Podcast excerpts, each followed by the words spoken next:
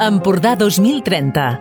Jornades sobre el futur de l'Empordà a través dels Objectius de Desenvolupament Sostenible. Emergència climàtica i energies sostenibles. Sobre el futur del planeta, del país o de la comarca se'n parla sovint des de múltiples mirades, probablement favorables a la persona o entitat que genera el debat. Però si parlem del Baix Empordà, hi ha una mirada que és de consens universal, si descomptem els negacionistes, que és la dels Objectius de Desenvolupament Sostenible. Els ODS, segons les Nacions Unides, constitueixen una crida universal a l'acció per posar fi a la pobresa, protegir el planeta i millorar les vides i les perspectives de les persones a tot el món.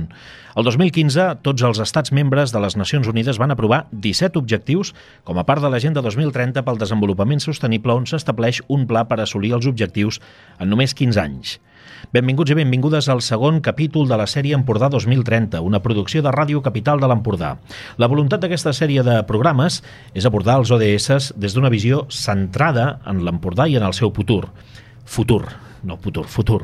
Parlarem de turisme, de sostenibilitat, de mobilitat, parlem també d'educació i concretament en aquest eh, nou espai, en aquest nou capítol, parlem com han d'evolucionar, sobre com han d'evolucionar els nuclis urbans i com es pot fomentar la reducció d'emissions amb l'horitzó de zona de baixes emissions 2025. Quins són els diferents models de producció d'energies renovables i com s'afronta des del sector primari l'emergència climàtica. Quins seran els objectius de desenvolupament sostenible que treballem en aquest bloc, Maria? Doncs principalment treballarem a quatre dels 17 objectius de desenvolupament sostenible marcats per l'Organització de les Nacions Unides. El primer de tots és l'accés a una energia energia neta i assequible, també el foment de ciutats i comunitats sostenibles, eh, també l'acció climàtica i la preservació de la vida submarina i també terrestre. Gràcies, Maria, Maria Alzina. Per abordar aquests temes ens visiten diverses veus, eh, amb les que saludem de seguida. L'Albert Llauses, que és professor, professor agregat a la Universitat de Girona de Geografia Humana, el senyor Jaume Armengol, que és president de la IGP Poma de Girona, la senyora Clàudia Oladell, que és biòloga marina, i tenim en línia la Laura Garcia, que és directora de Transició Energètica del grup Trèvol Energia, i també l'Enric Dalfó, que és propietari d'instal·lacions i reparacions eh, vinculades a l'energia energia sostenible, amb qui parlarem més tard també per videotrucada. També en aquest capítol d'avui parlarem amb Sergi Albric, que és el director dels serveis territorials del Departament de Territori a la demarcació de Girona, i també avui repassarem com aquests, eh, aquests criteris de sostenibilitat acaben convertint-se en projectes concrets. Avui concretament abordarem la mirada de les Smart Cities i ho farem a partir d'un reportatge que ha elaborat, elaborat l'Anna Salvador eh, a Calonja, que Calonja sabeu que fa uns anys va engegar un projecte de, de Smart City, de ciutat intel·ligent, doncs volem conèixer tot això, més enllà del titular, en què es tradueix, com funciona una Smart City i quines són les eh, mirades, les eines, les, els indicadors i sobretot el resultat que aporta a la gestió intel·ligent d'un poble o d'una ciutat. Tot això en aquest segon capítol de l'Empordà 2030 que ara comença. Empordà 2030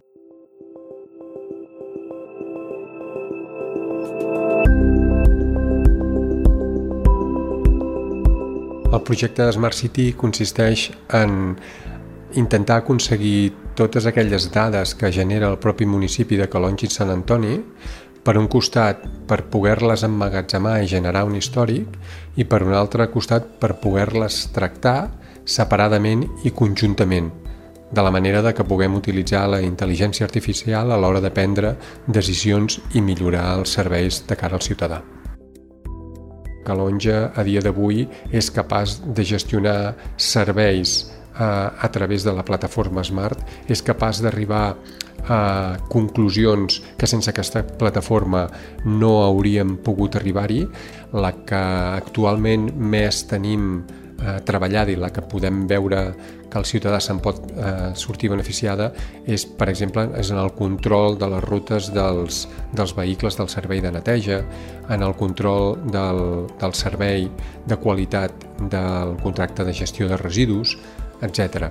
Està a punt d'entrar, diguéssim, en funcionament la nova deixalleria i a través d'aquí eh, qualsevol usuari podrà entrar a qualsevol hora del dia en la deixalleria, Llavors, és una plataforma que a mesura que la vas dotant de continguts doncs, eh, et dones compte, diguéssim, de, del gran ventall de possibilitats que, que et dona. Jo diria que a dia d'avui Calonge Sant Antoni és un referent a nivell de Smart City, sobretot per la plataforma que tenim creada i que segurament anem uns passos endavant en referència a la mitjana de municipis de Catalunya i segurament de l'estat espanyol.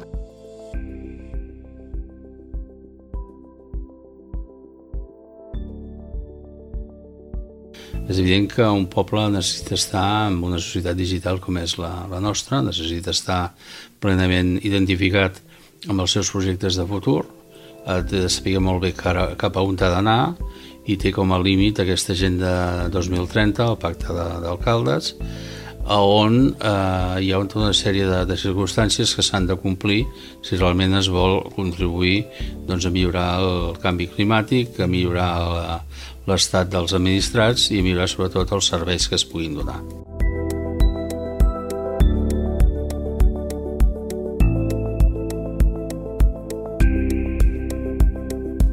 El futur és eh, tenir una transparència, el futur immediat és tenir una transparència amb el ciutadà, que el ciutadà pugui realment veure per on està passant ara mateix la netejadora, l'escombradora, que ho pugui valorar, que pugui valorar quants quilòmetres ha fet, que pugui valorar quin cost ha tingut, que pugui valorar quan està consumint la caldera que dona eh, aigua calenta sanitària en el pavelló, que pugui realment eh, exercir queixes o realitzar dubtes directament i això serà una realitat que segurament podrem veure aquest 2024. Primer que la gent el, el cregui, el tingui clar, vegi que el futur passa per la conservació del clima, la conservació de les energies eh, renovables, i sobretot la, la ideologia o l'educació en el malbaratament d'aquestes energies. Tot el sistema Smart City que nosaltres estem muntant va encaminat a això, va encaminat a tenir les dades necessàries per poder prendre les decisions oportunes de cara a millorar consums, de cara a donar millor servei als administrats i sobretot de cara a fer eh, que, que el nostre municipi de cara al futur sigui molt millor amb, amb tots els aspectes. Empordà 2030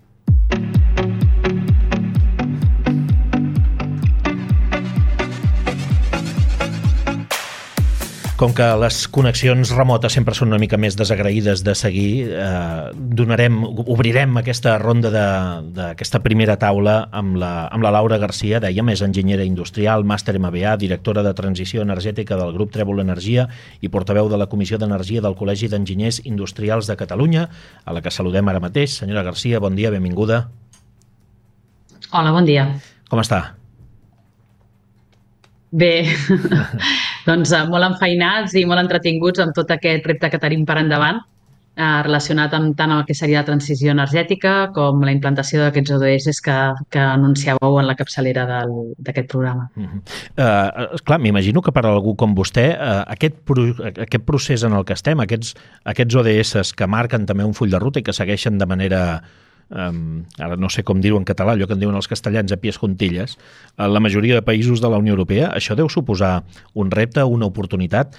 Què, què suposa per a algú com vostè des del punt de vista de l'àmbit professional de l'enginyeria? Uh, Evidentment és tot un repte, és a dir, la transició energètica en la que estem immersos vol dir que el sistema actualment com el tenim concebut, que és un sistema basat en energies fòssils, eh, patirà un canvi radical, és a dir, és un canvi de paradigma i per tant tot aquest, durant els pròxims anys el que, el que, va, el que veurem és un canvi de la manera de generar, de la manera de consumir, de la manera de... Això parlant des del punt de vista energètic, eh, que és la meva àrea d'expertís. Uh -huh. Llavors, eh, és un repte que és molt estimulant, és molt interessant i que d'alguna manera um, poder-lo viure no? I, i, i poder participar en projectes d'aquest estil doncs és, és molt estimulant. No? A més a més, també d'alguna manera el fet de que finalment tots aquests acords eh, de les diferents administracions, no? tant a nivell europeu com a nivell espanyol, realment ara siguin, estiguin al full de ruta de les diferents accions polítiques, doncs és algo que és quelcom que és molt encoratjador, no? perquè realment són decisions i, i, i canvis que són molt més amables i estan molt més alineats no? amb, la, amb, amb la sostenibilitat de les generacions futures. És a dir, que realment hi ha aquest, aquest concepte de sostenibilitat que, que, és, que forma part una mica del, de l'eix. No? Eh, senyora Garcia, el sector de les energies renovables o de les energies verdes a Catalunya i al conjunt de l'Estat hi destaquen les plaques solars. Um, per la, per, per, uh -huh. Vaja, suposo que per una raó òbvia, no? És aquest un sistema o és una energia que compensa la instal·lació i els seus costos? És des d'un punt de vista d'eficiència econòmica la millor de les opcions que hi ha en el nostre país? La tecnologia fotovoltaica és un tipus d'energies renovables, és un més de tot el ventall d'energies renovables que tenim. Uh, evidentment que compensa, és a dir, és una, és una és un tipus de tecnologia en la que els seus equips tenen una durada a les plaques solars de 25-30 anys i tota l'energia que, que genera durant tot el seu cicle de vida és molt superior de la que inverteixes en la seva generació. En relació amb quin és la, el tipus de tecnologia de renovables que és més adequada, no? totes, són, totes són necessàries. És a dir, si realment volem fer una, un canvi del model de generació, que fins ara està basat en, en, en tecnologies eh, convencionals gestionables i, a més a més, contaminants i, en canvi, volem passar cap a un sistema basat en les energies renovables, les necessitem totes. Val?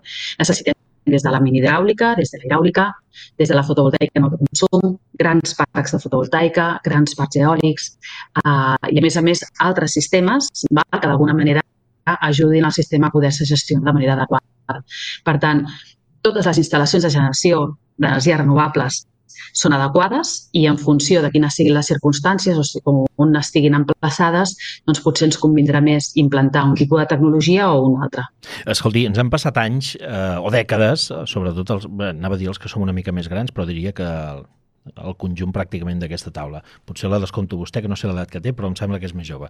Però deia, eh, ens hem passat, tot, tot, tota la, tots els boomers ens van passar dècades amb la campanya aquella nuclear no gràcies, no recordeu, us en recordareu vosaltres, jo, jo era molt jove, però us en recordareu tots plegats, eh, i ara de sobte que ha, apareix gent o governs que diuen que l'energia nuclear és energia verda. A favor o en contra d'aquesta idea? A veure, l'energia nuclear actualment s'ha considerat un vector bàsic a nivell de transició. Vale? És a dir, si volem fer aquest canvi de model, actualment l'energia nuclear és eh, un tipus de tecnologia que la necessitem. Malgrat que el PNIEC, que és el Pla Nacional d'Energia de, i Clima, doncs, hagi determinat el tancament progressiu de les centrals nuclears, actualment la, la nuclear és necessària. I per què? Doncs hem de pensar que ens estem plantejant un objectiu superambiciós, no? en definitiva. És a dir, de que pràcticament al 2030 tota l'energia de generació a nivell d'Espanya ens situï al, al, a nivells del 74%, quan actualment estem al voltant del 40%. Llavors, això el que requereix d'alguna manera és que s'instal·li de manera massiva energies renovables, val? tant a nivell, el que dèiem, eh? qualsevol tipus de tecnologia renovable. Què passa? Que en el fons les energies renovables són eh, sistemes que no són gestionables, és a dir, depenen de la meteorologia, depenen de la, de la disponibilitat del recurs. Val? Per tant, necessitem tot el que seria una indústria de generació de backup que d'alguna manera ens garanteixi el subministre. Actualment, com sabeu, des d'Europa doncs, eh, s'ha doncs, determinat que l'energia és, un, és un, un vector, no?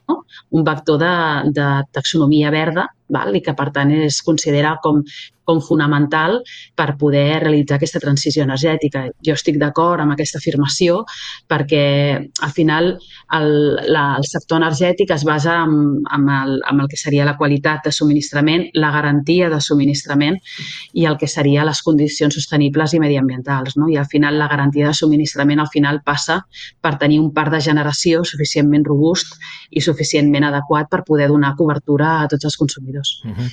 uh, escolti, hem vist iniciatives, per exemple, a Països Baixos, que estan investigant com convertir l'asfalt de carreteres en un element de captació d'energia solar per convertir-la en, per transformar-la en energia elèctrica. Hem sentit a parlar d'altres fonts d'energia, com la geotèrmica, uh, aquí a l'Empordà. Ja fa temps que es parla, òbviament, de, de, de l'energia eòlica i fa un moment dèiem que a l'Estat, no, en el conjunt de l'Estat, l'energia més eh, l'energia alternativa més instal·lada és la fotovoltaica. No? Um, quin és la, la, el sistema de generació d'energia més fiable de totes aquestes energies renovables i cap a on creu vostè que hauríem d'anar de, de, decididament o potser la resposta és un, un mix? No sé, qui, qui, cap on hauríem d'anar? A veure, totes les tecnologies són fiables. Val? Una altra cosa és la garantia de la disponibilitat del recurs. És a dir, si segurament fem una, una previsió del que seria la generació fotovoltaica amb una potència donada per l'any que ve segurament no ens equivocarem gaire. Per què? Perquè normalment les hores de sol que estan, estable, estan establertes per un any no disten massa d'un any cap a un altre.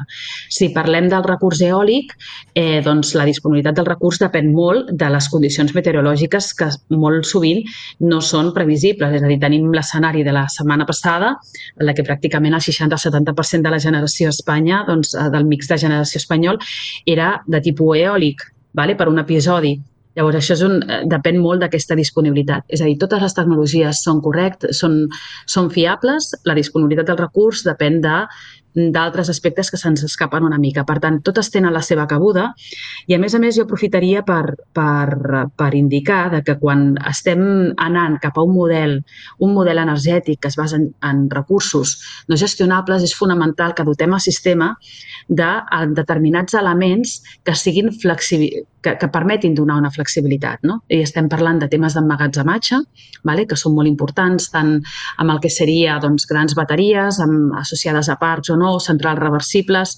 o eh, una figura que està prevista que s'acabi de desenvolupar disculpi, en disculpi anys, com és tot el tema d'agregació de demanda. Disculpi sí. que la talli, només per passar una mica per la, per la traductora, per qui ens estigui sentint o veient, què són centrals reversibles?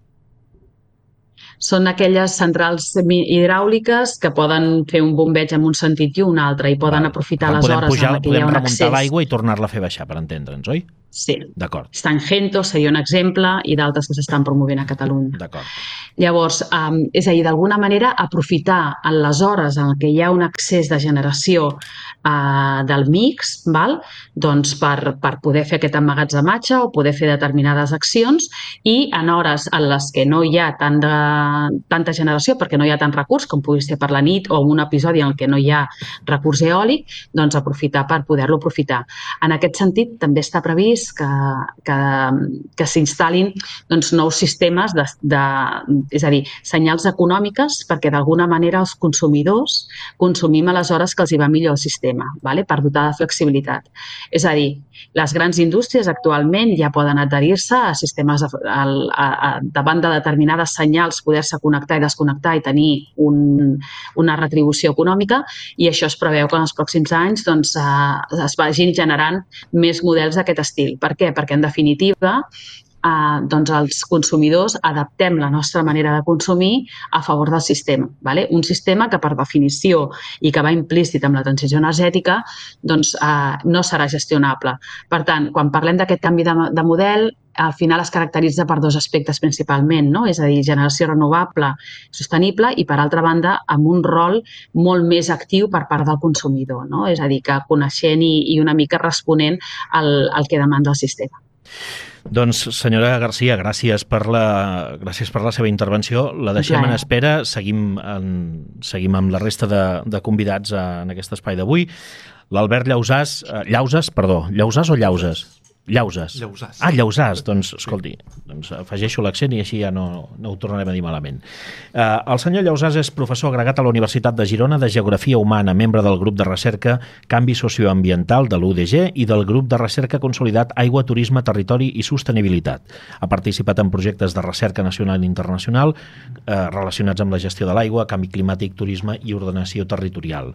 Senyor Llausàs, com ha d'evolucionar a partir d'ara l'accés a energies verdes per part de la població d'una zona que basa el gruix de la seva activitat econòmica en el sector turístic i, per tant, en una necessitat i en una demanda permanent d'energia? Mm -hmm. D'energia i d'aigua i d'altres eh, fonts, eh? però bàsicament d'energia i aigua. Permanent sí, però també molt variable. Eh? Encara tenim una estacionalitat del sector turístic molt marcada que fa que encara les temporades d'estiu, primavera, tardor s'accentui.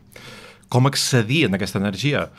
Uh, aquí sí que hi ha models diferents, no? Uh, en els últims temps s'ha parlat molt i s'ha promocionat molt eh, l'accés individual, diguem-ne, no? la promoció de sistemes, d'instal·lació de sistemes domèstics, sobretot d'energia solar, plaques solars, etc, que acaben constituint no? un, un sector creixent que cada vegada cobreix més no? de les demandes.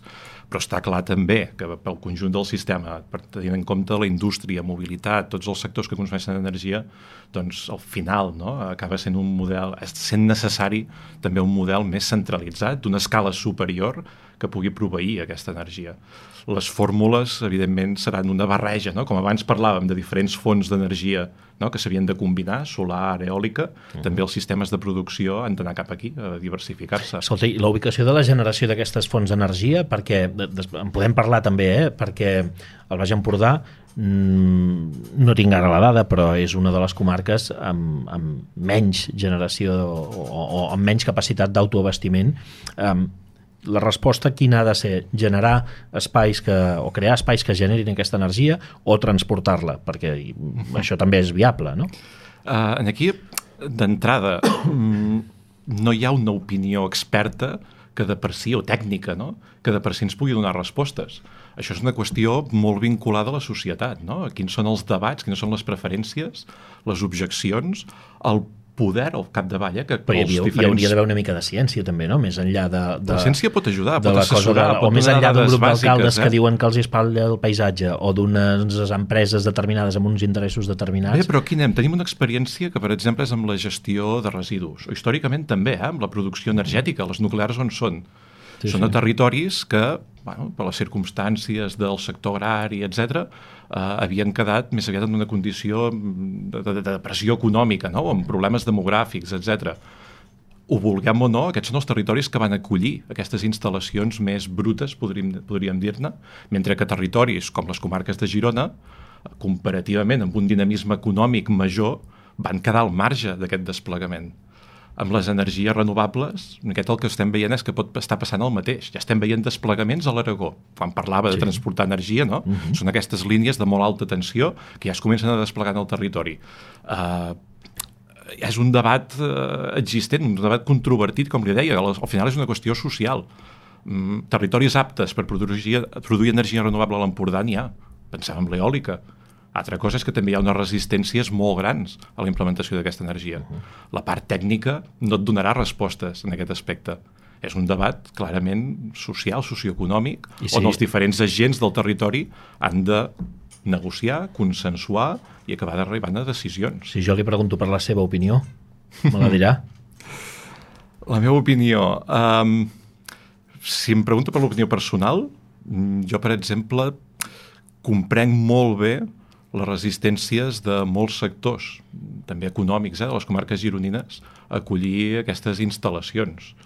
Um, evidentment, transportar l'energia també té uns impactes. Generar aquestes mats també genera impacte en el paisatge. Um, la veritat és que no li puc donar una resposta Senyora, el, el Ladell s'ho està fent a sobre, eh? Ja, ja, ja, ja, ja anirem, ja anirem.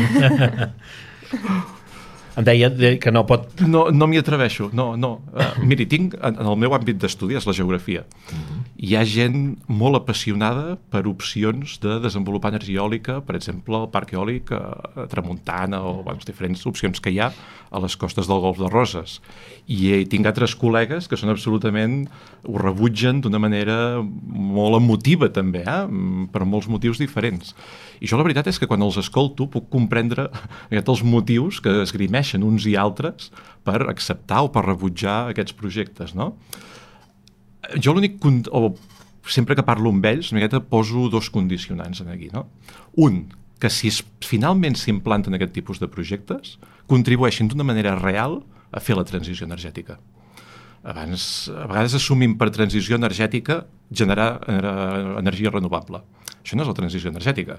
La transició energètica té una cara B, que és de, hem de deixar d'utilitzar combustibles fòssils. Generar Clar. més energia per generar més energia no és cap transició, és mantenir el model actual de creixement infinit del consum energètic. Fer una transició vol dir canviar una energia per una altra. Si no hi ha aquest ingredient, i de moment no l'estem tenint, això no és una transició. Llavors jo no veig sentit a simplement augmentar l'oferta si no reduïm també la demanda de combustibles fòssils. De moment aquesta garantia, i el que ens diu l'experiència és que no hi és. Segon condicionant, que la gent del territori estigui d'acord. Mm, a vegades s'ha experimentat o s'ha jugat no? amb mecanismes de compensació, per exemple. Al final és una qüestió de cost-benefici també, no? Les, les companyies d'energies renovables prometen llocs de treball, prometen una prosperitat. Altres sectors econòmics ho veuen com una amenaça a veure, es poden generar compensacions que mitiguin aquest impacte econòmic eh, o que aquests beneficis que haurien de generar es reparteixin d'una manera equitativa més en el territori o la societat, en els grups més desafavorits. Podrien les rendes més vulnerables rebre energia gratuïtament, per exemple, si es despleguen aquests projectes? Aquí tens un benefici social que et compensa per un perjudici ambiental, per exemple. No? Mm. I aquestes fórmules jo tampoc de moment no els veig desplegades. Se n'ha parlat una miqueta, però de moment no hi ha cap compromís, no? I aquest per mi seria el segon condicionant que a mi em faria o em permetria ser favorable sense, sense condicionants, no? sense recança eh, en aquests projectes. Queda clar. Escolti, una de la, per, li demanaré una mica més de, de concisió. Eh? Una de les problemàtiques, dèiem, que, que hem tingut o que estem tenint um, és la sequera i, a més a més, ahir, el, ahir mateix el conseller del RAM feia una conferència amb la Fundació Jordi Comas i deia portem 36 mesos acumulats de sequera pluviomètrica, la qual cosa eh, eh, és molt més greu que la sequera històrica ja històrica del 2008 Mm, en els propers anys sembla que la tendència serà aquesta, no? períodes de sequera pluviomètrica molt més llargs i probablement, o, o gairebé diria que tant de bo, amb episodis després de temporals que, que en poc temps també ens aportin eh, grans, grans aiguats. Com hem d'afrontar tot això? Quina és la gestió que se n'ha de fer d'aquesta situació? Pensant sobretot en el sector primari, que cada vegada està més minvat i més eh, minoritzat a casa nostra, però que també és veritat que hi havia moments que semblava que deien bé, eh, per la via de nous tipus de conreus, així sembla que s'està revifant una mica el sector primari. Com, com, com ho hem de casar tot plegat? Ha començat la pregunta dient que això era per concretar i m'ha obert aquí un ventall d'aigua, no, no no agricultura, més que, que hi ha més que concretar, li, he, li he demanat, li he demanat, de, uh, li he demanat síntesi més que concreció. Ostres, uh, a veure, són debats evidentment enormes. Eh? Uh, el canvi amb els recursos hídrics vostè ha parlat de futur, però és que ja l'estem veient ara. O sigui, quan mirem sèries històriques, el cabal del Ter, per exemple, ja ha experimentat una disminució significativa, eh? percentualment al voltant del 10% en el seu cabal. Um, si això hi sumem una demanda doncs, creixent, eh, en part pel creixement poblacional, en part perquè amb el propi canvi climàtic, més escalfament, una temporada d'estiu més llarga, la demanda també augmenta, sigui de la població o sigui, per exemple, dels conreus de regadiu. Som més demandants d'aigua. Els boscos també.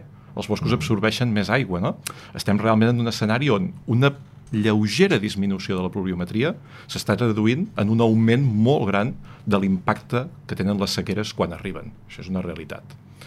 Com gestionari, com li dic, això és mm, precisament no, el món de la ciència, estem plenament immersos en aquests debats. I és evident que facis el que facis, acabes tenint unes repercussions sobre uns sectors o uns altres. Uh, és cert que, per exemple, m'ha preguntat pel camp de l'agricultura. En l'agricultura ha apostat els últims anys molt fortament per fer una modernització de regadius. Per exemple, a la zona del Baix Ter s'hi han gastat milions d'euros, no? Uh, clar, són solucions o preteses solucions que d'alguna manera fan un ús més eficient de l'aigua, certament. Necessites menys aigua per regar la mateixa superfície, anem a dir. Però bueno, la resposta a la pregunta és què se'n fa d'aquesta aigua?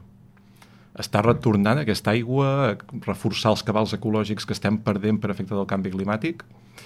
Uh, són solucions que aquestes tecnològiques, no? com aquesta de modernització dels regadius, que no sempre repercuteixen en un estalvi net d'aigua si l'aigua que s'ha estalviat en aquests camps es fa servir per ampliar el regadiu, per exemple, no hi ha un estalvi Clar. que retorni al medi ambient, no? I qui diu això, diu el transpassament d'aigua a l'àrea metropolitana de Barcelona... Sí, anava a dir, no li, no li vull obrir la llauna aquesta, turisme. perquè a més a més ja hi ha una taula del Ter que, que, que ha fixat unes recuperacions de cabal, però que certament aquest és un tema, no? Eh, també eh, ahir entrevistàvem el conseller i li dèiem, escolti, aquests 180.000 litres diaris d'aigua que des de fa 17 anys es perden a Badalona per una canonada que està malmesa, no? Eh, i, i que ara fa unes setmanes que s'ha dit que es muntarà un sistema per recuperar una part d'aquesta aigua que es perd i que s'acabi no perdent. Vull dir, què, què passa amb tot això? No? Què, què no s'hagués pogut fer amb tota aquesta aigua posada en el seu cabal natural al Ter? Sí, fixis també, però, que aquesta dada de la pèrdua de la canonada reapareix recurrentment cada vegada que tenim sequera. Uh, una altra dada que reapareix és com les xarxes de distribució d'aigua potable ja, potabilitzada, és a dir, que hem gastat una energia, uns recursos enormes per potabilitzar. Uh -huh. Les estadístiques ens diuen que al voltant de 30-40% d'aquesta aigua es perd pel mal estat general de tota la xarxa de transport de distribució d'aquesta aigua potable. Mm, al costat d'aquesta dada, que és general, mitjana de Catalunya, eh, aquesta pèrdua d'aquests litres diaris, tot i que visualment genera un gran impacte, no? uh, en realitat no és tan significativa. Um, I tornem potser a l'agricultura, no? un dels sectors doncs, que tenen més consum d'aigua. Al final és una qüestió d'escales, no?, també. Però estarem d'acord no, no, no, no és el mateix destinar X litres d'aigua a regar camps eh, que no pas que es perdin per una canonada malmesa, no? Com a sens mínim, dubte, allò, dubte. torno Com li que dic, dèiem aigua abans, potable. torno al que dèiem abans de l'opinió pública, no? O, de, o de, de la, del terreny de les emocions. Mm. -hmm. que genera una notícia o l'altra és diferent. Escolti, canviem, canviem, canviem d'àmbit. Senyora Clàudia Auladell, bon dia, benvinguda. Uh, la senyora Auladell és biòloga ambiental i marina, especialitzada en mamífers marins, activista i ecologista. No sé si preguntar-li pel, pel, pel parc eòlic marí, li he preguntat abans de començar aquest programa, i ja sé la resposta, que la resposta és no, rotund a més a més. Jo m'he tirat a la piscina, eh? Jo... Clar, jo parlant més des del de, punt de vista menys humà i més um, de biòloga, um, ho trobo bastant... Els set projectes que s'han s'han presentat els trobo bastant una aberració uh, contra tota la biodiversitat. Llavors jo... Explica-m'ho, quin, quin és la, el problema? Perquè al principi es deien els molins, el lloc on s'han de falcar, després van dir no, no, però és que són molins flotants. Flotants. Eh, qui, però no quin floten, és el, eh? Quin és el O sigui, problema? El, el tema és que no, no es forada, no es perfora el, el fons marí per enganxar tota l'estructura, però òbviament estan amb línies tenses, amb, amb àncores que també arrosseguen el fons. Uh, llavors hi ha tota la línia de transport de l'energia, hi ha subestacions, uh, les pròpies turbines també són un, un impacte per les aus migrants. Um, és que s'han arribat a comptar, ara vaig a parlar del projecte Biopaís, no sé si n'has sentit a parlar, d'una gent de la UDG que estan estudiant els possibles impactes d'aquest parc eòlic uh -huh. a aquesta zona. Llavors han buscat només, s'han basat en bibliografia existent de la zona i, i han arribat a trobar uh, 135 espècies vulnerables que serien afectades per a qualsevol d'aquests tipus de, de perill, no? -huh. des de les línies a les àncores, a, a um, les subestacions, el trànsit marí, el soroll, a les línies de transport, les turbines... Uh, 135. Això sobrepassa el límit permès de la directiva Hàbitats i la directiva AUS, que és de 58. Llavors, jo el que exigiria, sobretot, si s'ha de fer, és el que ha dit ell, que compensi amb un decreixement real. O sigui, a vegades em, em pregunto, realment es fa pensant amb la voluntat de decréixer, per l'altra banda, que seria el combustible fòssil, um, o no? O ho estem fent perquè en, en principi ara Europa d'anar ens cap aquí, no? obliga... cap a l'eliminació dels combustibles fòssils. Però no hi estem anant. Llavors, jo sempre tinc la sensació que aquí, en aquest país, anem, anem darrere i anem com intentant atrapar-ho tot. I, I seguint això, dic, bueno, hi ha prou vent aquí? És rentable? Um, són moltes preguntes que m'acabo fent que dic, ostres, al final no sé si tot això sortiria rentable. Està claríssim que ens interessa ara. Ens interessa molt doncs, pels fons Next Generation, per Europa. Um, estem quasi obligats a arribar a aquest punt. Però cal, a tan gran mesura, um, tenim en compte els beneficis i els perjudicis a la conservació, el que diu ell, uh, tota la societat, la zona, la, la zona local, la gent local, hi està d'acord. Els hi faran cas? Al final veig més interès polític que no, no pas real d'anar a un decreixement i a, a una energia neta. I a mi això em, em genera molts dubtes. Per tant, hi estic bastant en contra. Sí, sí. Mm. Escolti, el mar és també una font de, de riquesa i, i, i al mateix temps és un dels punts més contaminats del planeta. Eh, és un dels ecosistemes més maltractats, em fa l'efecte. Vostè em dirà si és així, eh? però, però sembla, sembla, sembla que o des de fora, com a mínim, un té la sensació que si estan posant molt pocs esforços en mantenir-lo, en cuidar-lo, en recuperar-lo, és, a més a més, eh, a partir d'elements com la posidònia, per exemple, un element de regeneració, eh, i que jo, vaja, com a mínim jo tinc la sensació que se'n parla molt poc.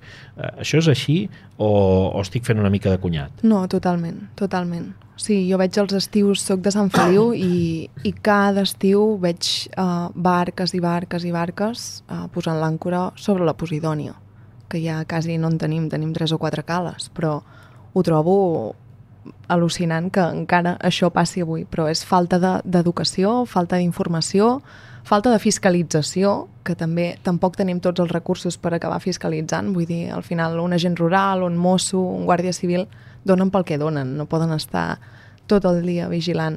Crec que, que és una tasca de tots de començar a conscienciar-nos realment, no viure en el confort de ei, jo tinc la meva barqueta, jo surto l'estiu, però reciclo, eh? Mm, no, és un global que crec que hem de Port, començar a conscienciar. Faig porta a porta. Sí, exacte. Sí, sí, sí. I, i sí, el Mediterrani és el, el mar més contaminat en quant a, a microplàstics, a, a teixits, a, a microfibres. Però perquè aboquem més o perquè el seu mar Clar, són molts, relativament tancat? Moltíssims um... països abocant aigües de, de depuradores o que no poden filtrar aquests micro, micropartícules. Llavors, en aquestes micropartícules és el mar més contaminat de, del planeta, el Mediterrani. Ja, quina il·lusió. Uh, i, vaja, però com ho hem de resoldre això? Perquè sembla que s'està avançant a poc a poc en l'eliminació de plàstics, però, però això quin, és a dir, a, a quin termini podria tenir un efecte o revertir aquest efecte? No, l'efecte ja l'està tenint. El que no en sabem és les conseqüències a llarg termini perquè és una cosa bastant recent el tema Home, del plàstic. Sembla, no, no fa gaire sortia, que, eh, sortia publicat que en determinats tipus d'aliments ja s'hi trobaven eh, microplàstics. I en l'orina de tots els éssers humans hi ha plàstics, en les sangs d'un fetus té plàstic i que són micropartícules, sí, però com això ens alterarà a llarg termini, eh, de manera hormonal o... Pff, no, no en tinc ni idea i em fa molta por. Um, crec que la solució... Escoltin, això, vaja, tinc l'esperança, espero que el senyor d'Alfons ho aixequi una mica això, eh? perquè de moment estem, estem, ho estem posant en un panorama... Vaja, eh, està bé, jo soc dels que pensa que si hi ha una cosa que amenaça el nostre, el nostre planeta o les nostres vides s'ha d'explicar, només faltaria. Soc molt catastrofista, però també tinc molta esperança eh? en, en... Va, doncs digui'm en què. En l'ésser humà, en els, petit, en els petits passos diaris. Petites coses que un pot fer que potser, doncs mira, veus, he portat la cantimplora i és una tonteria, però jo sé que aquesta ampolla uh, de plàstic, quan jo mori, seguirà a un abocador o seguirà sense reciclar. Ara, ara m'estic sentint malament. Doncs... sí, sí, té tota la raó. Cantimplores per Ràdio Capital.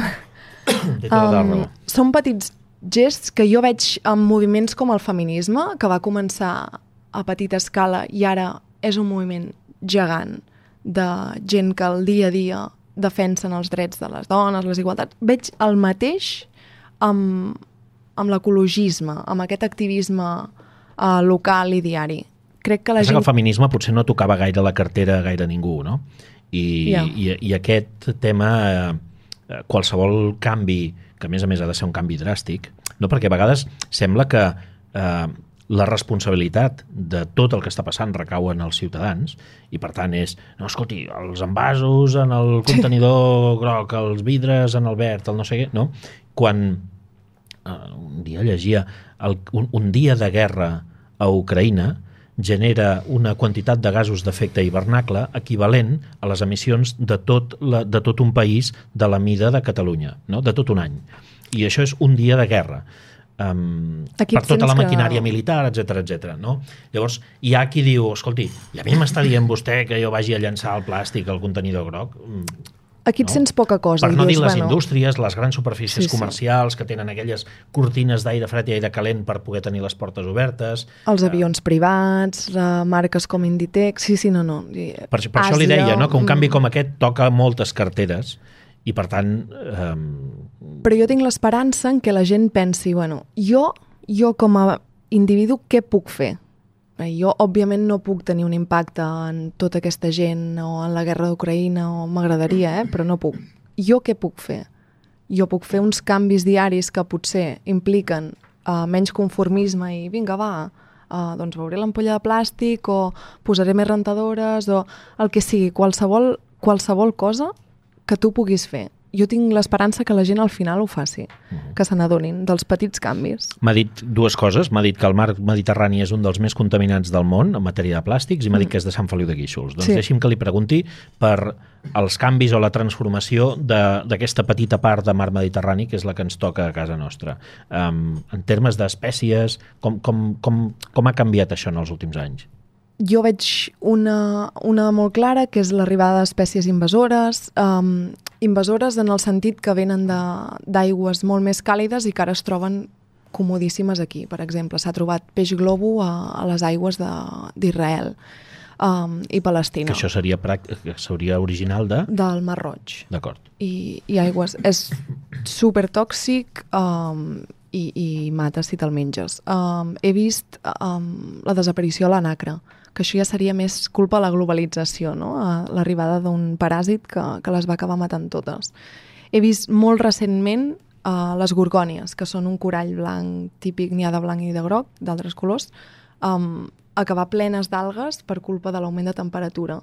Fan l'augment de temperatura genera booms d'algues que es posen sobre les colònies de les gorgònies i moren. O sigui, això està passant a tota la costa, a la Costa Brava, i no se'n parla però ja està passant. Uh -huh. Vull dir, no és a llarg termini, ja, ja ens està passant. Què implicarà? No ho sabem. Hi ha alguna cosa, això que dèiem dels petits gestos de, que es poden fer des de la individualitat, hi ha alguna cosa que puguem fer nosaltres? Jo diria que potser el que té més impacte és el tema de la roba i el transport. L'alimentació també. Uh, passar a menjar bastanta menys carn i, i aliment local i, i ecològic, tot el, el possible. I la roba um, què vol dir? La roba, doncs, no, no et diré que tiris tota la roba que tens, sinó que la reutilitzis, que, que no vagis amb modes i que el que compris a partir d'ara que necessitis, doncs que siguin empreses locals, amb, que han reciclat el cotó o... Hi ha mil, mil marques avui en dia que són molt més sostenibles que un Zara. Llavors és, és tan senzill com buscar-ho, que sí que aquesta, costen aquesta més diners. Aquesta és fet a Sabadell.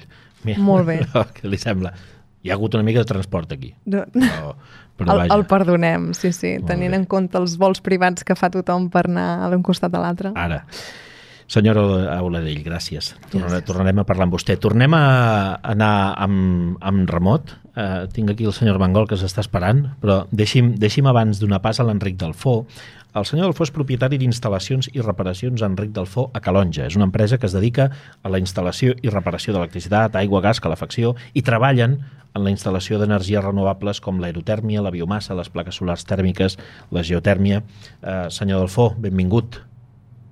Bon dia, gràcies. Uh, escolti, quines són, de, totes, de tots aquests sistemes verds que vostès instal·len, quins són ara mateix els que, els que més fan servir o, o els que, des del punt de vista de la instal·lació, s'estan implementant més aquí a l'Empordà?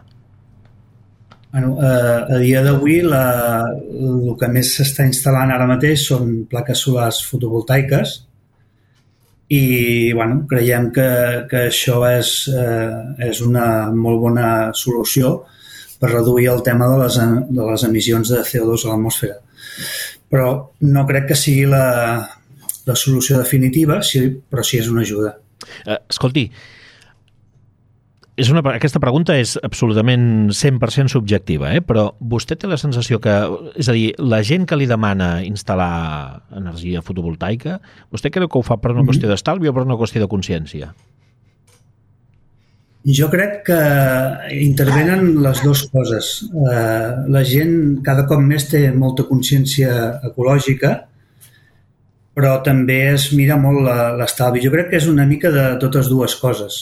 Sempre hi ha clients que, que miren només l'estalvi, no? però jo crec que la gent es mira molt el tema de la consciència ecològica. Hi ha una mica de riure nerviós aquí a l'estudi, eh? quan, quan li he preguntat això. Uh, vostè creu... Vaja, com, com a instal·lador, vostè si, suposo que sap o coneix uh, més o menys els, els consums o la demanda energètica que té una casa o un edifici amb els que vostè pugui treballar.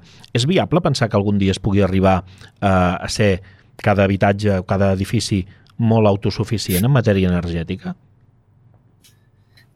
És molt difícil ser totalment autosuficient, però bueno, es, es pot arribar a fer, però és una cosa molt costosa, perquè primerament en una vivenda el primer que s'ha de tenir en compte són els, els aïllaments i és una, és una cosa que tot el parc d'habitatges que tenim eh, eh, és molt envellit i els, els, els, eh, diguéssim, els aïllaments són molt deficients.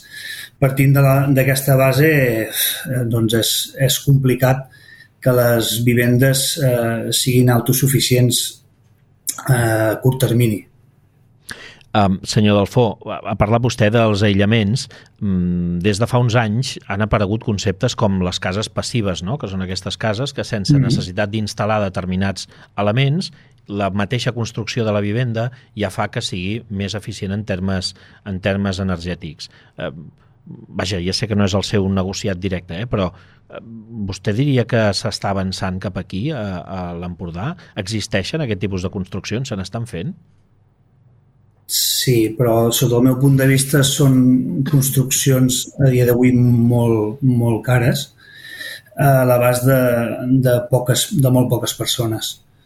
Eh, no sé, jo crec que el, el tema d'ajudes, petites ajudes com la instal·lació de plaques solars doncs contribueixen a, a l'eficiència de, de cada habitatge, però que l'habitatge com eh, que, dius, eh, que dius tu de, que són passius, sota el meu punt de vista són, són extremadament cars de construir.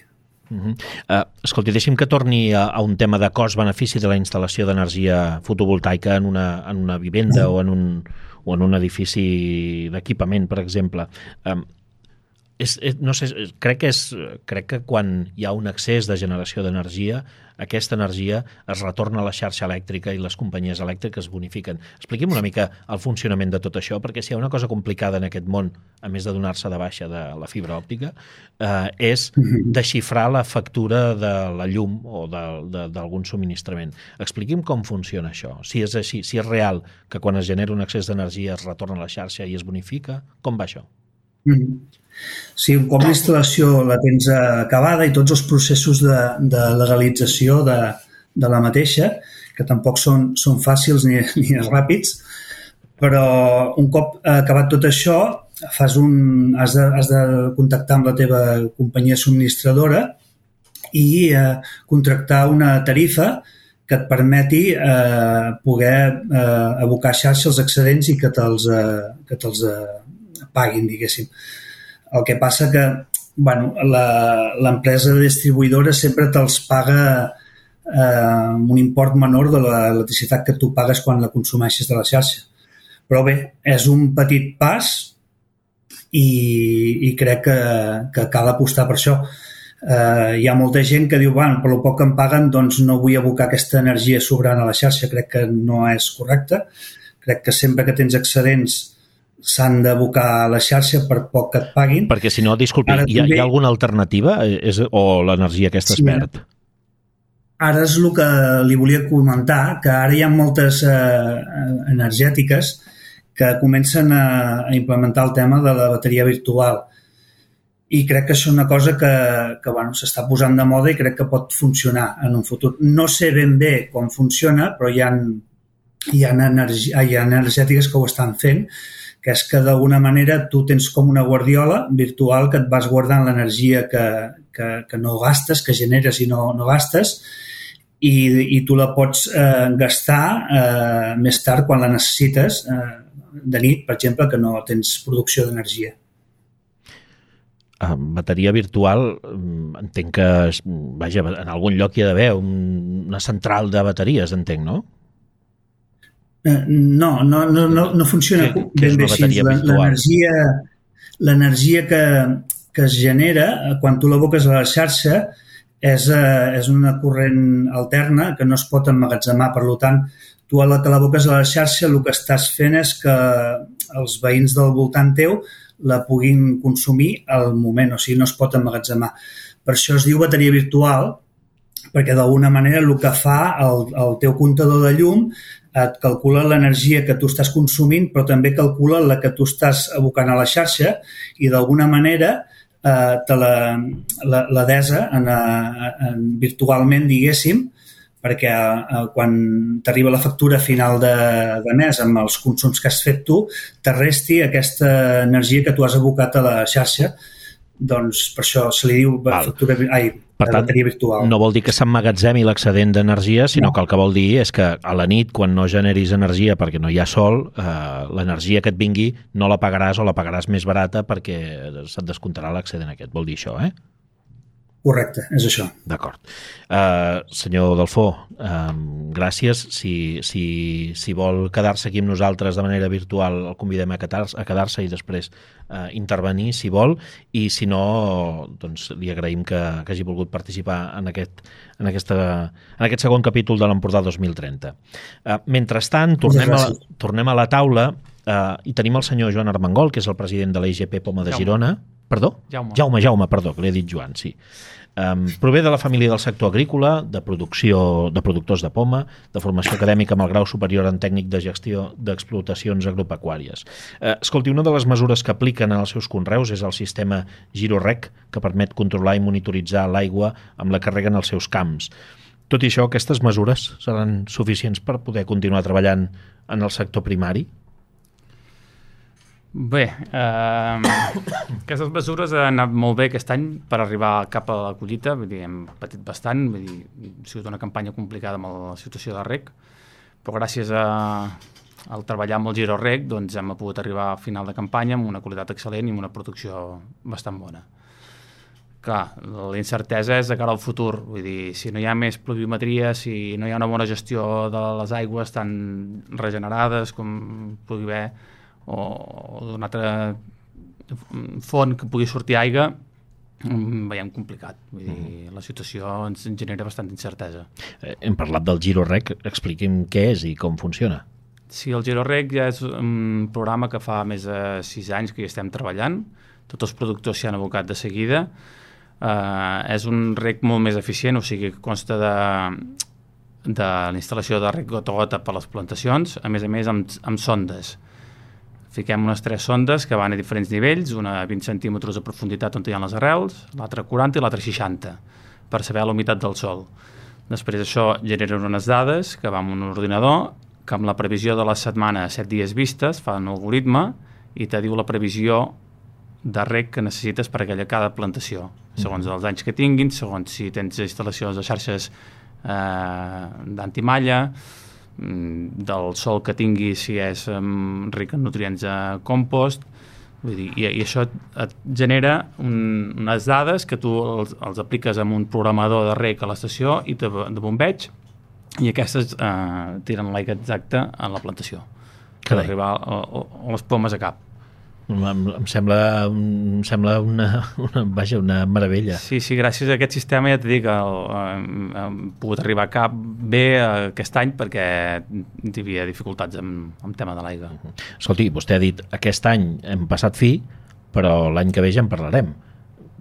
Pateixen? És, és un patiment real aquest? Sí, sí, realment des que hem acabat la campanya estem relativament amb la campanya hem acabat tranquil·lament, vull dir, hem arribat, estan a les, a les plantes conservadores, les, les pomes, però ja ara ja estem pensant en la campanya següent. Esperàvem pluja en aquesta tardor, aquesta tardor sembla que la pluja no l'hem vista poca, farem que la primavera sigui més plujosa, si no serà un tema molt greu. Mm, No sé, no sé què pot arribar a passar. No, ara mateix em genera Clar, Anava a dir, molt imaginis que no plou, quina és l'alternativa? Portar cubes d'aigua o, o, o resignar, o no sé, o arrencar les, les, pom- les pomeres? fer el rec de supervivència, perquè és un cultiu llenyós, un cultiu de diversos anys, eh, treure la producció, fer tot el que puguem al nostre abast, però clar, tot depèn de l'aigua. Vull dir, si no tenim aigua no, no podrem salvar les plantacions. Però, però li deia, és una opció transportar aigua? No, creiem que no. no és molt difícil. I te la treus l'aigua i... Bé, no sé, hi havia un conseller que va anar a resar la moreneta perquè vingués aigua i acte seguit va portar barcos al port de Barcelona carregats d'aigua. Jo crec que haurem a veure el Montserrat una altra vegada. Uh, bé, i, i deixi'm preguntar-li per la relació amb l'administració, perquè al final vostès són allò, una de les baules més febles de tota la cadena, no? El sector primari sempre és l'origen de tot, però sempre acaba sent les dels cops una mica. Uh, vostès s'han sentit acompanyats per l'administració? Passo palabra? No, no, home, no, no pot passar no, palabra. No, no. Ja, amb el sector primari, nosaltres creiem que el sector primari és un sector fonamental vale? pel territori, pel allò on vivim, per diferents raons. No? Primera, perquè et genera aliments, vale? transformem aliments i, i, i una mora garantia sanitària, no? vull dir, uns aliments altament saludables. Després també una altra raó és que generes economia, una, una economia circular i després eh, el, el conservar el territori i, i, i cuidar-lo i, i bueno, integrar-te dintre del territori. Uh, L'administració sí que fa, però mm, creiem que podríem fer moltes més coses. Per exemple? Bé, uh, fer canonades uh, més... Mm, que vagi molt més bé, que no tinguin fugues, uh, després eh, controlar bueno, tot el tema d'aigues regenerades, no? tornar-los a entrar dins del sistema d'aigues de depuradores, eh, d'altres inversions segurament que tècnicament es poden fer, vull dir, ara personalment no, no els sé, però vull dir, segurament que es poden fer coses més, més importants. Per millorar l'eficiència una mica.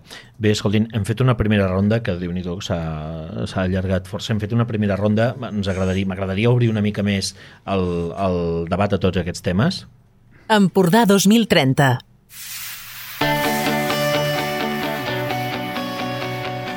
Fem en un format més obert. Deixi'm que els llenci una, una pregunta i, i en la mesura que vostès vulguin convertim una mica en un debat. Com hem d'equilibrar la voluntat de transició cap a energies més verdes?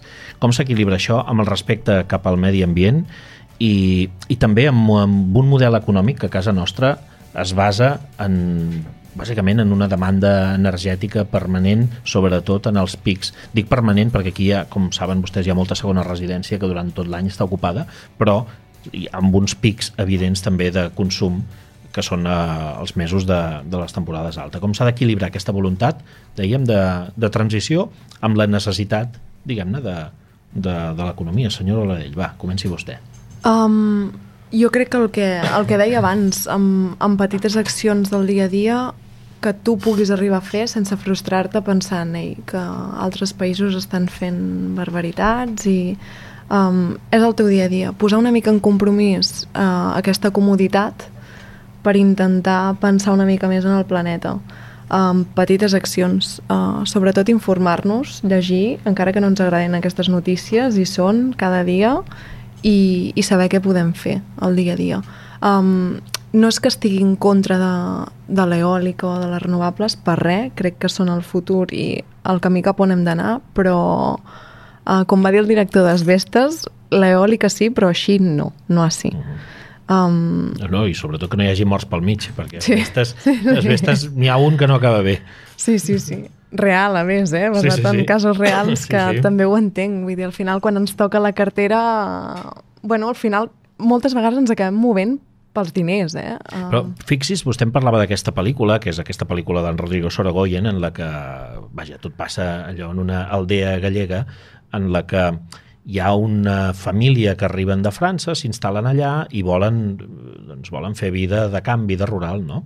I això xoca frontalment, ho explico per la gent que no hagi vist la pel·lícula, que hauria de ser poca perquè és molt bona aquesta pel·lícula. Molt. Però això xoca amb la voluntat d'aquell poble petit de vendre el terreny per poder instal·lar aerogeneradors. No?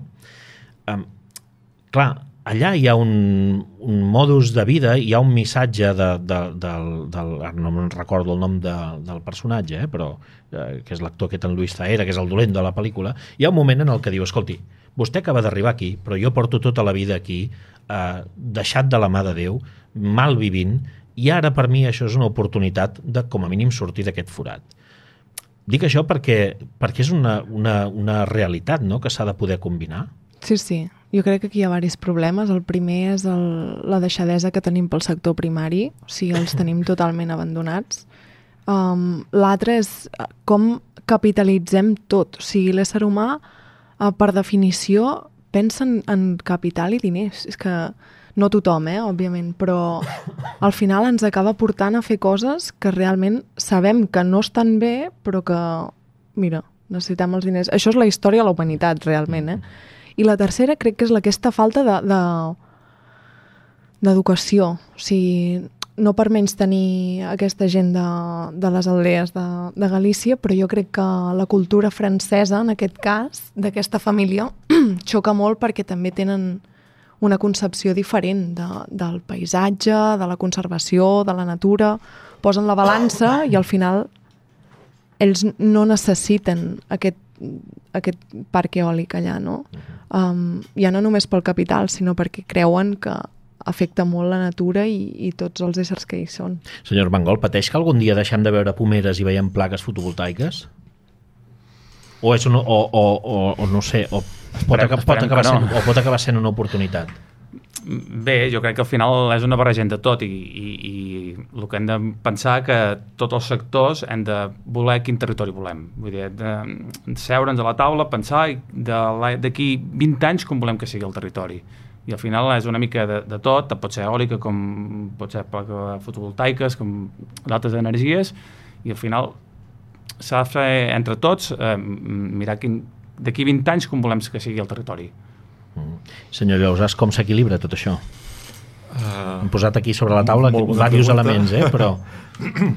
Jo penso que equilibrar-ho, i ha sortit diverses vegades, eh? l'aspecte econòmic, en el fons és el que mm, més o menys diguem-ne, està clar.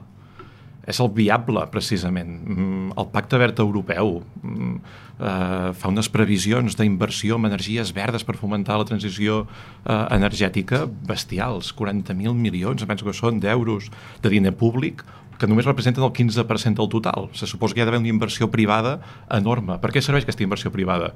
Per sostenir empreses o per crear empreses, no? com la del company que havia parlat anteriorment, eh, d'instal·lació de sistemes, no? de plaques solars, d'aerotèrmia, etc. Podríem sumar-hi un munt no? de, de sectors econòmics emergents que inserits en aquesta voluntat de que la transició energètica sigui una oportunitat econòmica, impulsen el creixement, impulsen l'ocupació, és un relat, aquest de la transició energètica verda, que si no mires les qüestions ambientals i socials, és un èxit, és un potencial. La Unió Europea promet 500.000 llocs de treball vinculats a això. Això sembla que, ja dic, eh, ignorant les altres, les altres dimensions, està solucionat i és un avantatge per la gent. Si tu pots consumir energia que l'has produïda tu o que la reps, que és renovable, a més bon preu, tens una, unes, uns tancaments a casa teva que eviten la pèrdua d'energia. Això són guanys. Ara, no podem ignorar que després hi ha les altres dimensions que encara no hem sabut equilibrar. Aquest perill que ara li comentaven al company, no? de consum de terreny agrari per instal·lació de grans extensions de plaques solars. A diferència de l'eòlica, la solar sí que necessita extensions grans, i ja ho estem veient sobretot a Lleida.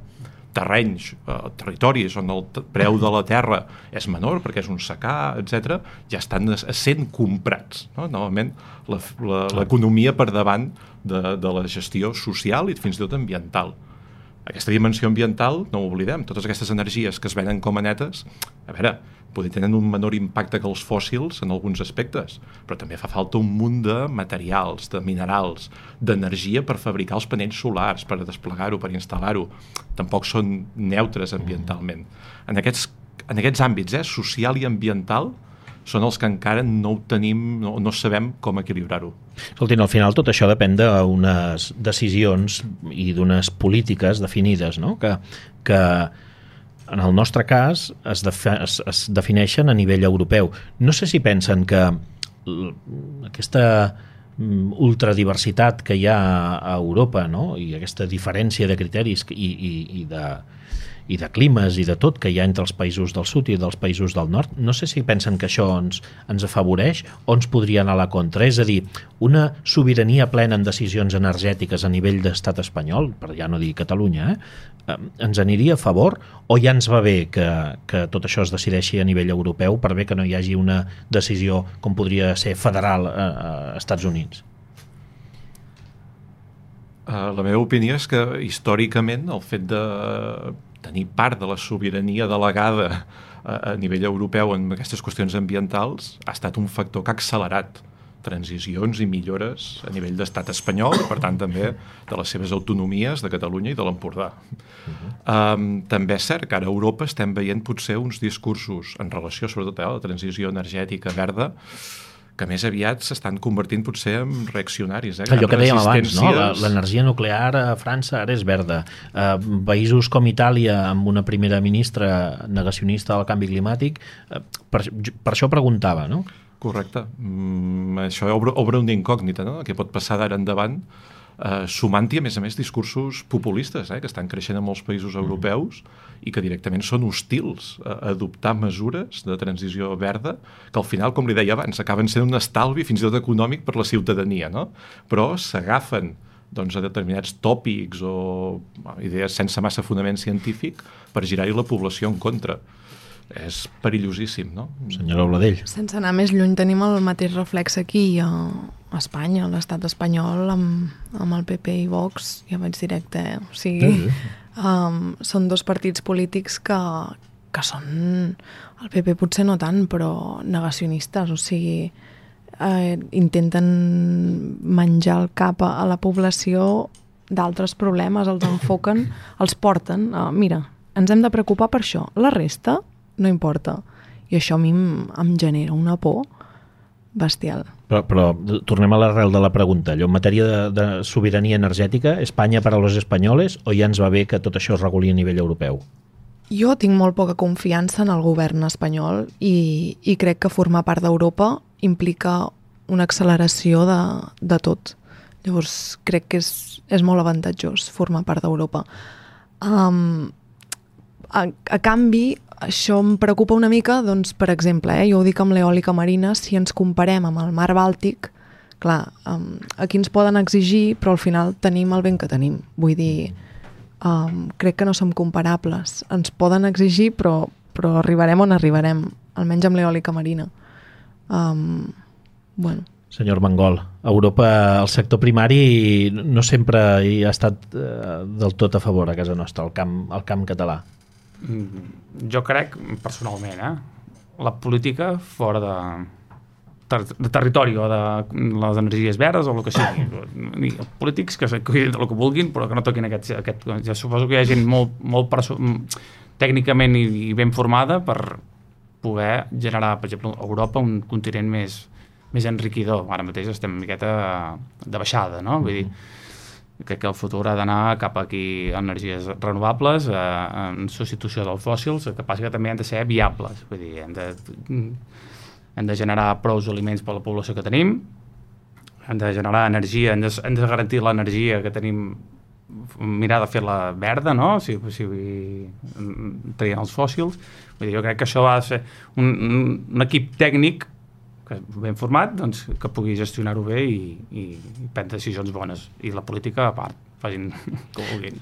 Sí, la política a part, però el, com dèiem, no, al final hi ha una sèrie de decisions, hi ha d'haver unes directrius polítiques que són els que marquen les normatives, no? les lleis i després el, el, el seu desplegament normatiu i les seves transposicions a cada país, amb, i tot això, no sé si estan d'acord vostès, passa perquè hi hagi algú qui lideri aquest tipus de processos que digui, escoltin, per avançar cap aquí, um, vostès, ciutadans de Catalunya, d'Espanya, d'Europa, del món, sàpiguen que han de començar a fer renúncies del seu benestar. No? Que el seu benestar s'ha construït a partir de la, de la destrucció del planeta, diguem-ho diguem clar, no? és el juliol, que, que és aquell, el, més o menys, que és quan s'acaben els recursos i a partir sí. d'aquí ja entrem en dèficit. Per tant, hi ha d'haver algun polític, ja els hi faig spoiler, no passarà, que surti i digui mmm, vostès no poden comprar tant a Amazon perquè, perquè els servidors generen no sé quina petjada de carboni, els transports no sé què, no poden fer no sé quina, no poden viatjar tant eh, a l'estiu perquè els avions generen no sé quantes coses. Per tant, hi ha d'haver algú que, que, que posi sobre la taula que revertir aquesta situació passa perquè tots plegats visquem una mica pitjor en relació al que hem viscut ara, o del que ens han fet creure que estàvem vivint ara. Mm. Jo tinc esperança zero, però jo no sóc ningú, per això els hi pregunto a vostès. Jo crec que l'espoiler és perfecte, o sigui, no passarà. Però, clar, això, però llavors assumim que anem cap a l'abisme. El tema és si anem més ràpid o més lents. Jo crec que ha de ser un moviment social, no polític. Que al final la societat apreti els polítics a fer-ho, perquè no, no s'arriscaran mai a perdre tants vots fent, fent política d'aquest tipus. Senyor Llausàs. Jo, bueno, primer, dos apunts. Eh, Se suposa que aquesta és la fase de debat, no? Sí. Llavors, primer, un petit, eh, una petita resposta al, al que deia el company, no? Aquesta opció de no fer política, de deixar la política fora, ostres, també és política. Perquè, eh, com, com dèiem ara, no? les decisions s'han de prendre. Qui el, si no els aprèn, si no es prenen des de la política, aquest suposat equip tècnic, qui són? Normalment no hi és aquest equip tècnic. El que hi ha són mercats, hi ha competència, hi ha uns, a vegades en alguns territoris, estructures casicals gairebé, no? Uh, que són els que acabarien prenent les decisions. És un model absolutament antidemocràtic, no? deixar-ho, allunyar-ho de la població i de la política i deixar-ho en mans de vés a saber qui, no? I no crec que sigui, s'ha parlat molt, eh, també, de la literatura, d'ecofeixismes, per exemple, no? De, difícilment aquestes voluntats seran, pensaran en el bé comú, segurament pensaran més no, egoistament amb els seus interessos. Llavors, en aquí he d'estar-hi en desacord amb aquesta opinió. No? Però sí que podríem dir que podria haver més uh, tecnocràcia, no? Vull dir que el ministre d'Agricultura, Ramaderia fos una persona que realment hi entengués, no? Mm. Vull dir, no sé fins a quin punt Segur, i, implantar... I, i precisament em va molt bé per lligar-ho també amb la, amb la segona part no, de, de la pregunta. Senyor Mangol s'ho està mirant encara de, escoltin... Uh... Sí, sí, no, aviam, en part té raó, algú ha de prendre decisions, no? però com diu també el company Oladell, que sigui format, no pot ser un gent que no tingui cap criteri i sense cap però, coneixement. Però, però un ministre, un conseller, un, un comissari Uh, no pren decisions. Jo, jo, ara aquí jo no sóc part convidada a la, a la tertúlia, eh? però, però deixin-me que intervingui també per dir un ministre no pren decisions a partir del que ell pensa o vull dir que al final a sota seu té un secretari d'Estat, en el cas d'un ministre, que és el que coneix la matèria, té una sèrie de directors generals, té subdirectors, té tècnics, que són els que assessoren al ministre i els que li diuen, escolti, eh, això sí i això no. I al final també depèn d'un programa electoral que s'ha fet per part d'un partit polític amb una sèrie de persones del partit que se suposa que són expertes i que consulten eh, també amb els sectors. Vull dir que, que la política fa política, no... Vull vull dir, vostè creu en una, que en una tecnocràcia pura i dura les coses anirien millor? No, no però sí que és veritat que, que s'ignoren moltes vegades els tècnics, o sigui, que estan per sota a l'administració com a extreballadora de l'administració pública i com a tècnica de medi ambient. Um, jo he ensenyat estudis d'impacte i dient, ei, això no, no s'hauria de fer, i es fa, perquè la política al final és política, clar. Crec que el canvi hauria de ser en general, en global, al partit polític, que ells decidissin fer un canvi um, cap a aquesta tecnocràcia que mirés cap a, cap a una consciència ambiental. No està passant ni passarà. Ens hem desviat una mica del tema, sí. també. uh, per, per, tancar, per tancar aquest, uh, aquesta taula, sí que m'agradaria preguntar-los quina és la gestió que creuen, vostè, que, que creuen vostès que s'hauria de fer a dia d'avui, tal com està la situació, del litoral i del medi ambient de, de la comarca, també és una pregunta àmplia, eh? per promoure una mica aquesta conservació del paisatge, les espècies que l'habiten, bo i sabent, doncs això, que, que el, el, el, si no recordo malament, el 50% del PIB del Baix Empordà depèn del turisme i per tant eh, no val dir tornar com érem l'any 52. No, però sí. Vull dir, al final, um, ja que ens movem molt pel capital, s'hauria d'estudiar el tema de... Jo parlaré de l'exemple més clar que tenim aquí, que és les Illes Medes. Les Illes Medes són una font econòmica espectacular. O sigui, es pot anar cap a un turisme sostenible, que exploti el litoral de manera sostenible. Uh, potser no és sostenible tot el trànsit que hi ha de barques i tot el soroll, però la vida que hi ha allà és espectacular. Si això ho ampliéssim, que en principi estem obligats a ampliar-ho, tota la protecció litoral, um, jo crec que hi hauria un canvi espectacular. Això implica més gestió, més fiscalització, més recursos que no es posen. Uh -huh. uh, Lligant-ho poder també amb la pregunta anterior, precisament el litoral o els municipis del litoral de la Costa Brava, ostres, aquest allò, aquell canvi polític del que parlàvem i que hi havia pensaments molt pessimistes al respecte, jo penso que sí que s'està veient. D'entrada, una administració a nivell català que en els últims anys ha anat promovent plans que han mirat de regular aquest, o revertir fins i tot no? aquell creixement descontrolat d'urbanitzacions, etc. Tenim pendent encara, o l'administració té pendent, vaja, desplegar el, el Conservatori del Litoral Català, una entitat que s'ha de dedicar a comprar finques privades per conservar-les, destinar-les a conservació. I el que anava a dir ara, no? els municipis, que nosaltres, bueno, i per temes de recerca hi treballem molt, no? Te n'adones que ja hi ha bastants municipis que tenen equips de govern, regidories, etc. Ostres, que, que sí que manifesten una mentalitat molt diferent a la que podien manifestar fa 20-30 anys. Hem guanyat moltíssima sensibilitat i alguns d'aquests municipis s'han atrevit ja a fer accions eh, valentes no? per revertir errors urbanístics que s'havien fet en el passat.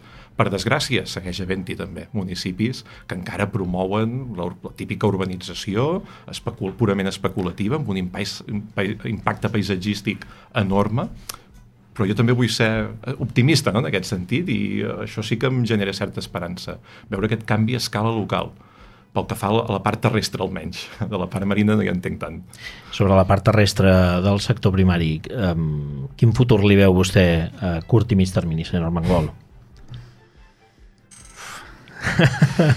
Va, mira que ho estàvem remuntant això d'ànim, eh? No, ja, jo crec que el sector primari és un sector molt resilient, vull dir, mm, això ho portem a la sang i, i nosaltres som tossuts i continuem i, i tampoc neguem l'evolució, no? Vull dir, ens adaptarem als canvis que hi hagi. Ara mateix, per exemple, podria treure que mm, des de Palma de Girona ja estem treballant en noves varietats, vale? que fa més de 20 anys que estem dins un projecte, que estem buscant varietats que s'adaptin al territori, en augment de temperatures, i ara ha sortit la, la primera pomera plantada fa dos anys ja, que es diu Tuti, vale? que es, es, es planta ja a la zona d'aquí de Girona, que és una varietat que s'adapta molt bé al territori, vull dir, ha nascut aquí, no han hagut d'anar a buscar aquesta varietat a Nova Zelanda, l'han hagut d'anar a buscar a Itàlia en diferents climes, sinó ja Eh, o sigui, tècnicament ja, ja tenim... Disculpi, hem decidit posar-li tuti eh, per quin motiu? Bueno, nom comercial. Ah, molt bé. si tingués el nom de la varietat seria la Hot Climate Hot eh, A84. Ah, Vull dir, això seria el número de sèrie que ha sortit, no? Millor tuti. I, i comercialment ja han posat tuti, que ara començarà a haver les primeres produccions i suposo que mica a mica irà entrant entre, en el mercat, eh, en els lineals dels supermercats. Vull dir, clar, mm, l'evolució ja hi és i, i el sector primari té ganes de, de continuar i de, de, de ser-hi i de vestir aliments a tota la població. Vull dir, just, si plou, si plou, continuarem. Senyor Jaume Armengol, Albert Llausàs, Clàudia Oladell, gràcies per participar en aquest Empordà 2030 i si no els sap greu ens guardarem els seus contactes perquè ens agrada molt tenir gent experta amb la que poder parlar de tant en tant sobre aquestes coses que més enllà del dia a dia ens agrada poder debatre amb una mica més de... anava a dir d'alegria, però no, de, de, de profunditat. Bé, gràcies per venir. Gràcies. Gràcies, gràcies per posar La voluntat de fer evolucionar els nuclis urbans i fomentar la reducció de les emissions ha d'anar acompanyat d'una gestió administrativa. Per això avui també comptem amb la presència del director dels serveis territorials del Departament de Territori a Girona, el senyor Sergi Albric. Bon dia. Bon dia. Tal. Primer de tot, m'agradaria abordar una mica el tema de com s'han de començar a implementar les zones de baixes emissions en una zona com el Baix Empordà, tenint en compte que municipis com Palafrugell i Sant Feliu de Guíxols um, han d'entrar en aquestes zones de baixes emissions a partir del 2025. Bé, ho has dit bé, eh? al final hi ha una normativa, en aquest cas estatal, que va entrar en vigor l'any 2021 i el que indica és que els ajuntaments, els municipis que tenen més de 50.000 habitants doncs s'han de declarar zones de baixes emissions i també eh, doncs, eh, posa deures en aquells municipis que tenen més de 20.000 habitants, no? que en el cas del Baix Empordà doncs, afecta doncs, a Sant Feliu i a, i a Palafrugell.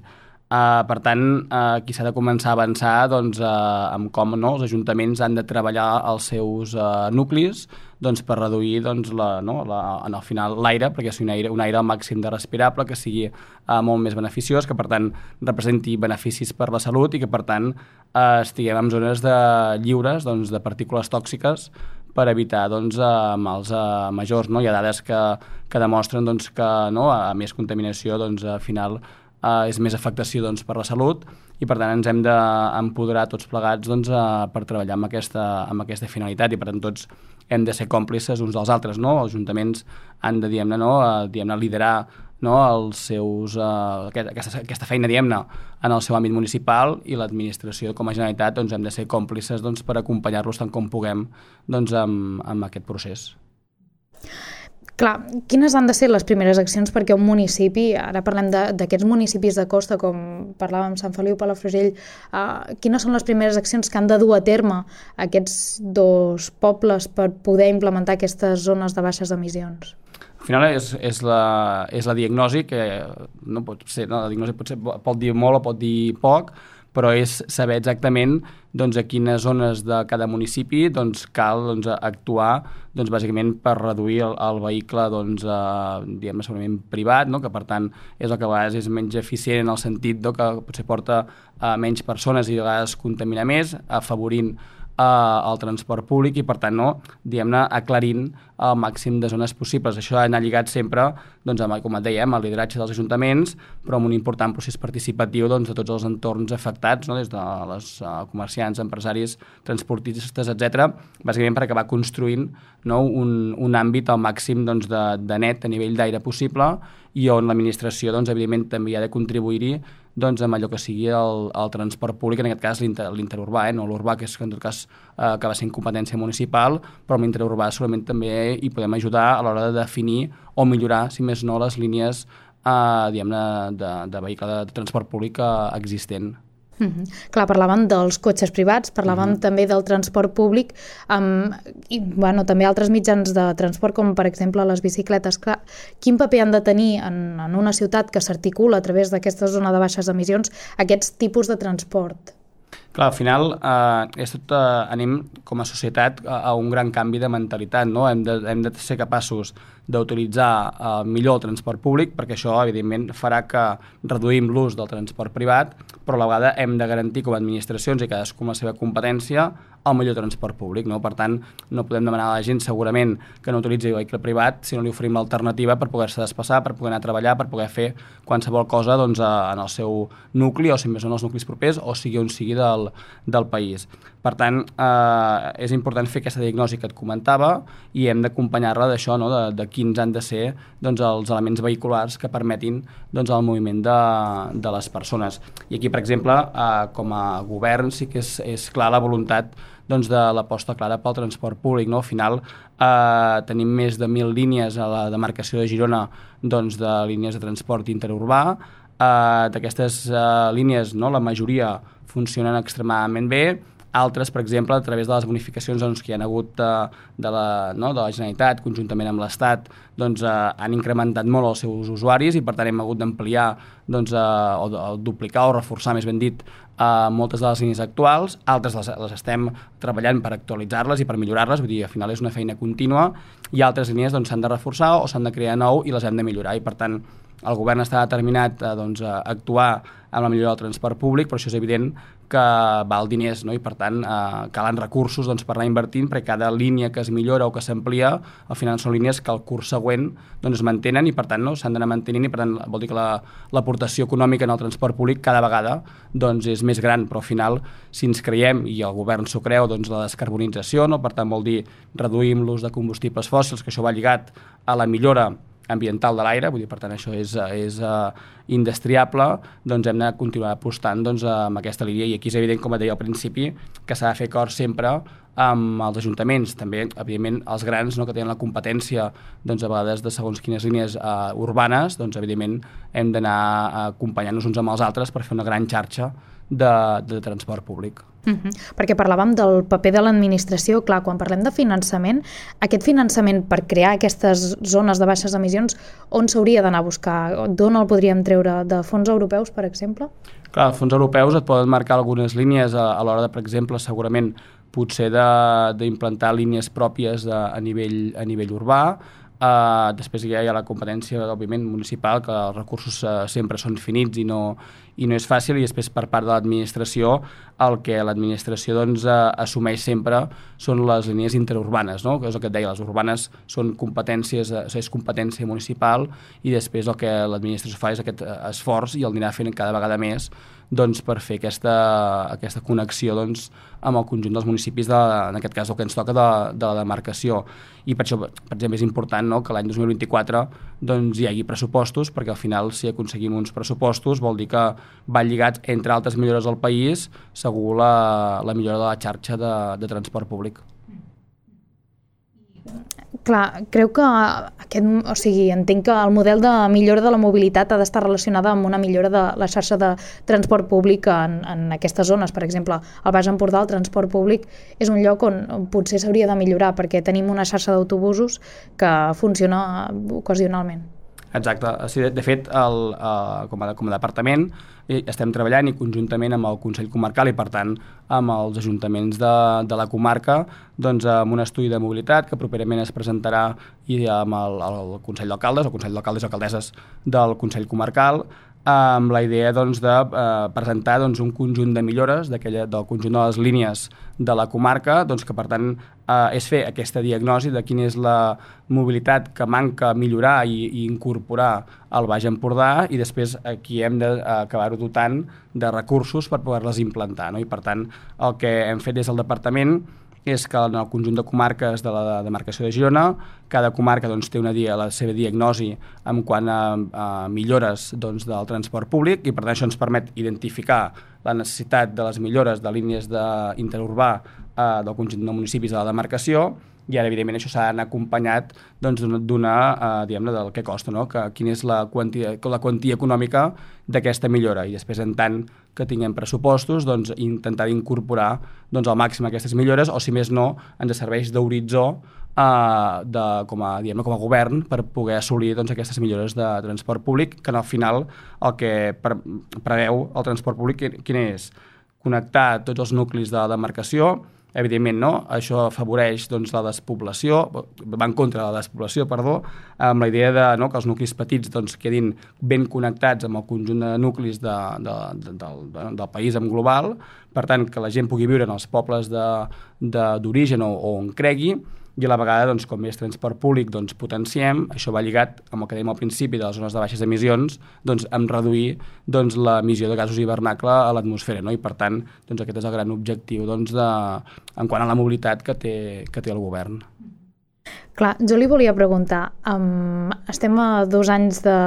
bueno, menys de dos anys del 2025, clar, en zones com Sant Feliu de Guíxols o Palafrugell, vostè veuria factible, ja no només aquests dos pobles, sinó a comarques gironines, en els pobles que es veuen afectats per aquesta uh, nova normativa, clar, mm, seria factible implementar aquesta zona de baixes emissions abans d'aquest 2025 o potser hauríem de treballar una mica més per poder-la implementar bé i completament? Oh, la pregunta és, és, uh, és punyent en el sentit de...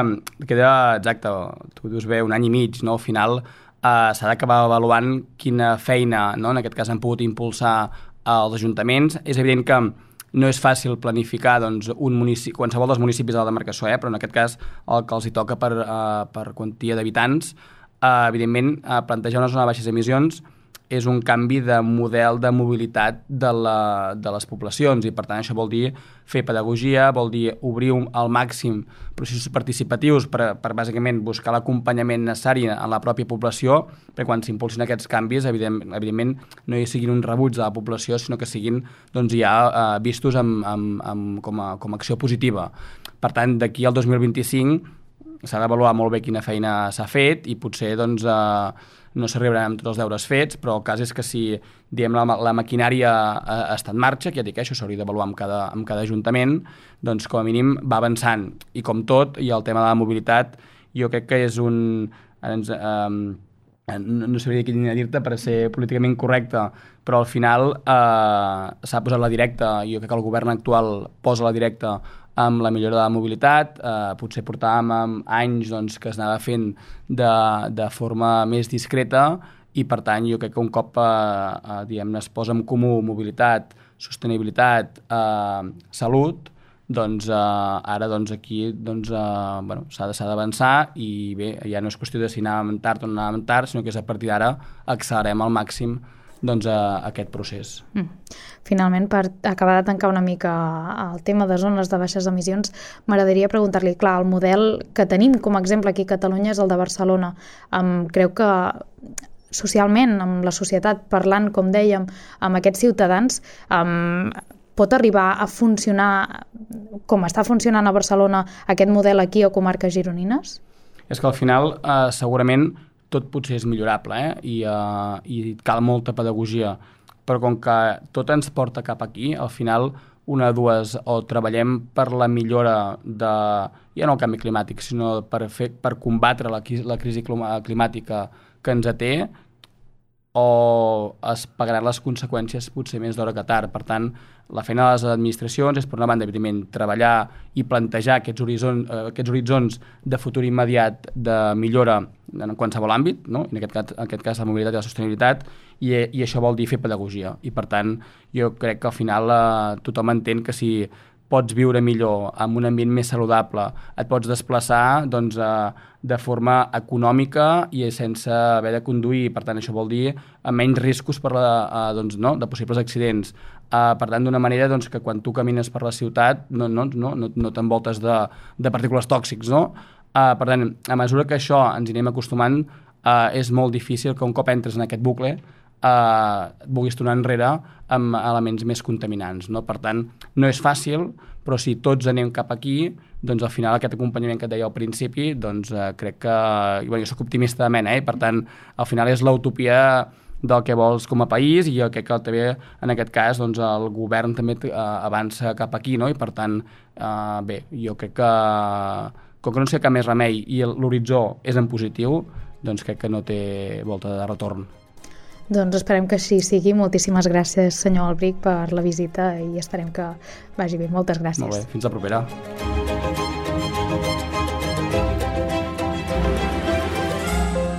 Empordà 2030 a radiocapital.cat amb el suport de la Generalitat de Catalunya. Sempre endavant.